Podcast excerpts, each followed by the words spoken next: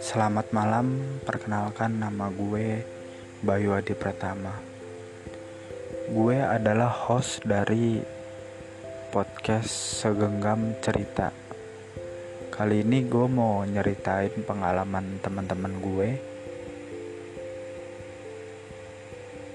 Pengalaman pertama dari temen gue namanya Indah Alvanesa. Jadi ceritanya begini. Anggap aja gue ini Indah Alvanesa. Fakta mengatakan siapa pun gak akan bisa berubah kecuali dari diri kita sendiri atau dari teguran Tuhan. Gue dapat banyak pengalaman dari sikap predator gue Sikap gue yang begini bukan semata-mata buat mempermainkan perasaan orang lain, melainkan gue hanya ingin tahu mana laki-laki yang brengsek dan mana laki-laki yang benar-benar tulus sama gue. Sampai akhirnya tanpa gue sadar itu malah menjadi habit gue. Padahal gue udah nemuin orang yang benar-benar tulus dan sayang sama gua. Gua sadar ini tuh perselep gua. Ngerti gak sih? Pertama kali gua benar-benar jatuh cinta sama orang tuh ya karena dia gua menemukan apa arti sebuah cinta selama ini tapi itu yang menjadi permasalahan dalam hidup gue karena terlalu sering mempermainkan perasaan orang hingga sampai saat ini gue masih belum bisa berubah dari sikap itu. Dari dia gue banyak banget belajar.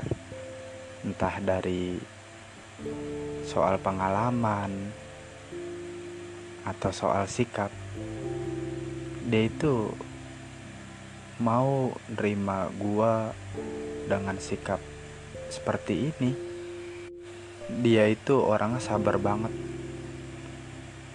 Udah berkali-kali gua ketahuan selingkuh ketahuan jalan sama cowok lain tapi tetap aja dia maafin gua. Sampai gua malu sendiri sama sifat gue entah gue yang bego atau gimana ya. Hah. sampai pada akhirnya entah Tuhan yang ngasih gue teguran dengan cara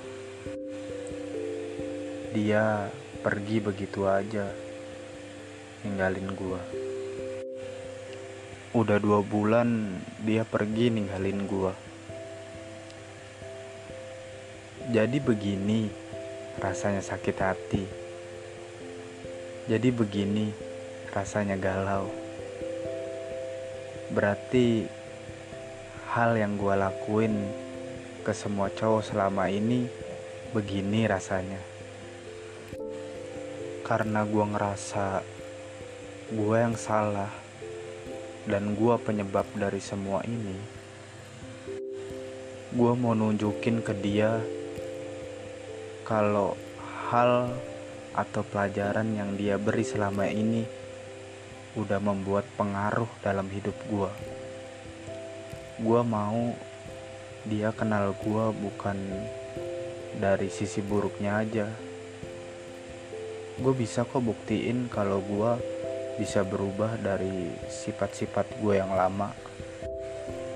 Gue cuman pengen dia tahu kalau gue itu sayang banget sama dia. Gue gak rela kehilangan dia. Berbagai cara udah gue lakuin. Dari gue mau menurunkan ego gue buat minta maaf ke dia.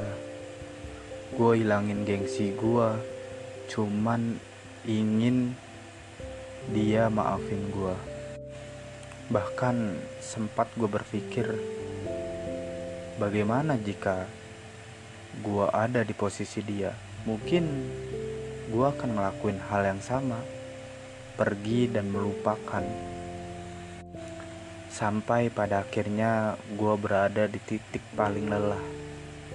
Mungkin ini sebuah teguran dari Tuhan untuk gue memperbaiki diri, tidak seperti dulu lagi. Gue udah mulai pasrah, dan gue berharap Tuhan bisa membalikan keadaan gue. Gue sadar kok selama ini gue salah. Gue mau minta maaf ke dia, tapi dia udah pergi gitu aja. Semoga Tuhan bisa mendengar curahan hati gue. Ya itu aja sih yang mau gue ceritain. Karena kehilangan seseorang yang begitu sempurna di hidup kita itu sangatlah berat, hancur. Jangan sampai kalian menyia-nyiakan seseorang yang berada di samping kalian saat ini. Terima kasih. Selamat malam.